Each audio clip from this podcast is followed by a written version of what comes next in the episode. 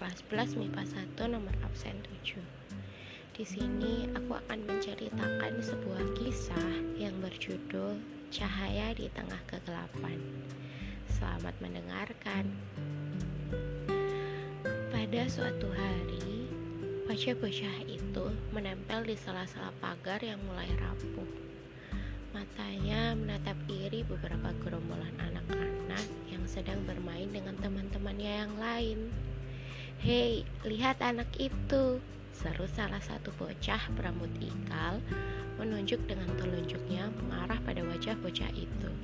Hei, jangan coba-coba ya mendekat ke area sekolah kami.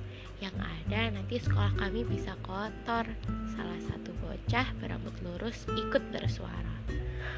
Bajunya kotor seperti gelandangan Dan koran-koran bekas itu mau kau apakan Ujarnya menatap sengit bocah yang sedang memeluk beberapa koran di dadanya Ia menatap penampilannya dari atas hingga bawah Bagaimana mungkin mereka menyebut pakaian favoritnya ini seperti gelandangan Padahal baju ini adalah pemberian sang ayah sebagai hadiahnya ulang tahun Kini hatinya seperti dihujam beribu peluru. Jika itu benar, mungkin dia sudah berdarah-darah. Tampilannya jauh dari kata layak. Baju dengan bagian robek kecil di belakang punggungnya, bawahan pendek dengan warna coklat yang sudah mulai memudar warnanya. Ia lantas membalikan badannya serta tak menggubris lontaran-lontaran pedas dari anak-anak itu. Bocah itu menutup telinganya rapat-rapat agar tak mendengar mereka. Matanya mulai memanas dan segera ia berlari menjauhi gerombolan bocah-bocah itu. Namun cemoohan yang keluar dari setiap mulut harimau manusia itu tak dihiraukannya. Ia hanya selalu dan berusaha selalu mengingat bulir kata kebaikan yang diucapkan oleh ayahnya yang sedang terbaring lemah beralaskan kardus serta berselimut debu jalanan. Nak, jika ada yang mengganggumu, menghinamu, jangan pernah membalas dengan perbuatan yang sama buruknya. Lebih baik pergilah dan menjauhlah, karena ada Tuhan yang selalu di sampingmu dan melindungimu. Hanya ucapan emas sang ayahnya itulah yang kini menjadi pelindung dan pegangannya. Hanya itu yang bisa ia jadikan sebagai penerang di kegelapan kehidupan yang sedang dijalaninya. Bu, kenapa ia tidak sekolah seperti aku? Tanya seorang bocah yang berbalut seragam SD yang mungkin kini seharusnya menjadi teman sebayanya. Jangan ditiru, Nak, dia hanyalah seorang pemalas, tak seperti ayahmu yang menjadi dokter yang masa depannya sudah pasti cerah, balas ibunya. Sejujurnya hatinya teriris. Di mana hati nurani manusia? Apa yang mereka lihat bukan berarti mengetahui segalanya, bukan? Tanpa ia sadari, air matanya menetes deras. Pandangannya menjadi sedikit buram. Kepalanya menjadi sakit akibat tidak makan apa pun seharian. Ia hanya berbekal semangatnya yang sudah menjadi konsumsi favoritnya sebelum menjual koran. Jika saja ia diberi pilihan sekolah atau berjualan koran, pasti ia akan lantang menjawab sekolah. Namun, jika diberi pilihan sekolah atau ayah, pasti ia akan bungkam dan menjawab ayah. Lalu bocah itu melangkah ke seberang jalan menghampiri seorang paruh baya berbalut kemeja putih khas kedokteran dan menawarinya koran. Sedikit buram melihat wajah asli seorang paruh baya itu. Pandangannya semakin tak jelas, seperti bumi ini terbelah menjadi dua. Ia rasa semuanya gelap dan buruk. Tubuhnya ambruk ke tanah. Di suatu tempat, mata mungil itu memaksa terbuka. Pandangannya menatap langit-langit dinding warna putih. Tubuhnya terbaring lemas di ranjang kapuk tebal dan lembut. Siapa namamu, Nak? suara seorang parubaya yang duduk di sisi ranjang menatapnya dalam. Tatapannya seolah menghangatkan hatinya. Arman, jawabnya lesu. Nama yang bagus. Paman siapa? Tanyanya bingung. Ahmad, panggil saja Pak Ahmad. Jawabnya sambil mengelus puncak kepala bocah itu dengan lembut. Kenapa Arman bisa di sini, Paman?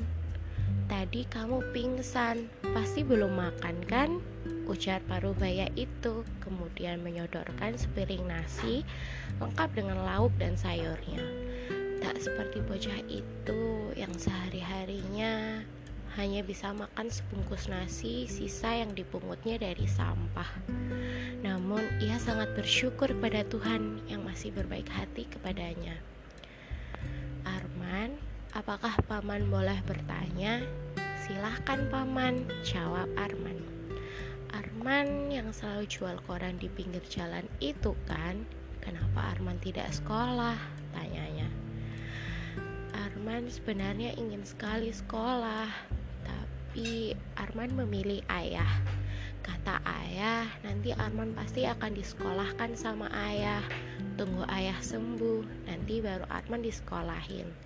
Sekarang Arman bantu ayah jual koran dulu buat beli obat ayah Biar ayah cepat sembuh dan sekolahin Arman Jelasnya polos Pandangan matanya mulai sayu Parubaya itu menatapnya sendu seperti ada gelombang iba yang memukulnya bertubi-tubi. Subhanallah, hanya kata itu yang mampu ia ucapkan. Hanya kata itu yang bisa ia lontarkan oleh bibirnya yang sedang gemetar hebat serta mata yang terus-menerus menetes air mata. Paman, apakah jadi dokter harus sekolah? Tanya bocah itu. Tentu, itu salah satu bentuk usaha kita meraih mimpi. Apa Arman ingin menjadi seorang dokter? Jawabnya. Kemudian mengusap puncak kepalanya dengan lembut serta menatap semangat yang membara di mata bocah itu. Iya, tentu. Jika besar, aku ingin menjadi seorang dokter yang sukses. Tapi ucapannya menggantung Nadanya terdengar ragu dan teringat akan ayahnya yang sedang sakit.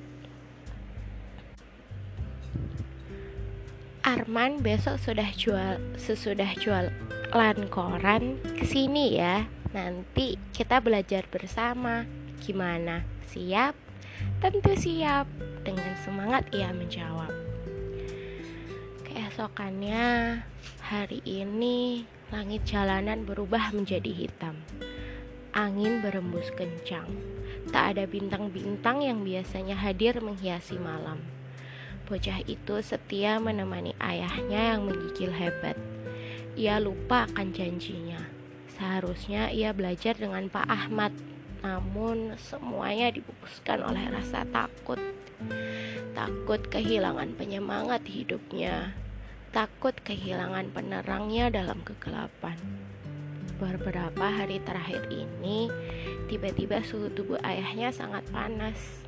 Ia gelagapan sendiri mencari kain ataupun benda yang dapat menyelimuti ayahnya.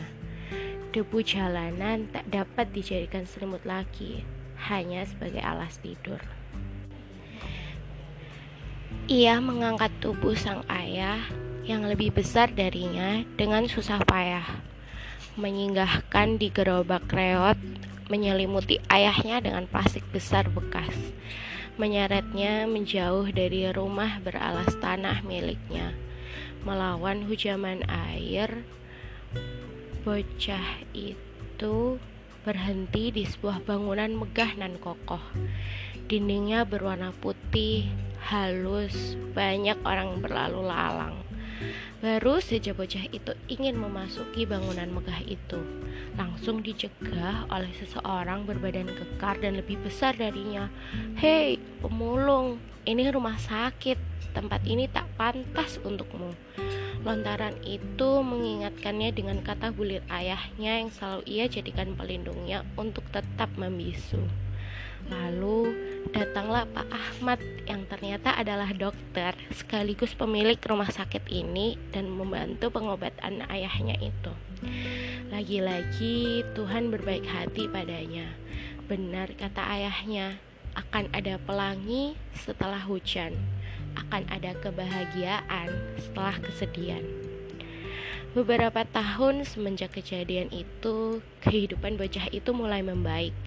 Tentu dengan campur tangan Tuhan yang sudah berbaik hati kepadanya, mempertemukannya dengan kedua sosok pahlawan yang berjasa dalam alur kehidupannya, yaitu sang ayah dan Pak Ahmad. Dunia ini memang adil. Jika kalian menganggapnya tidak, kalian pasti salah besar. Selalu ingatlah bahwa situasi saat sakit dan terburuk bukanlah akhir dari segalanya.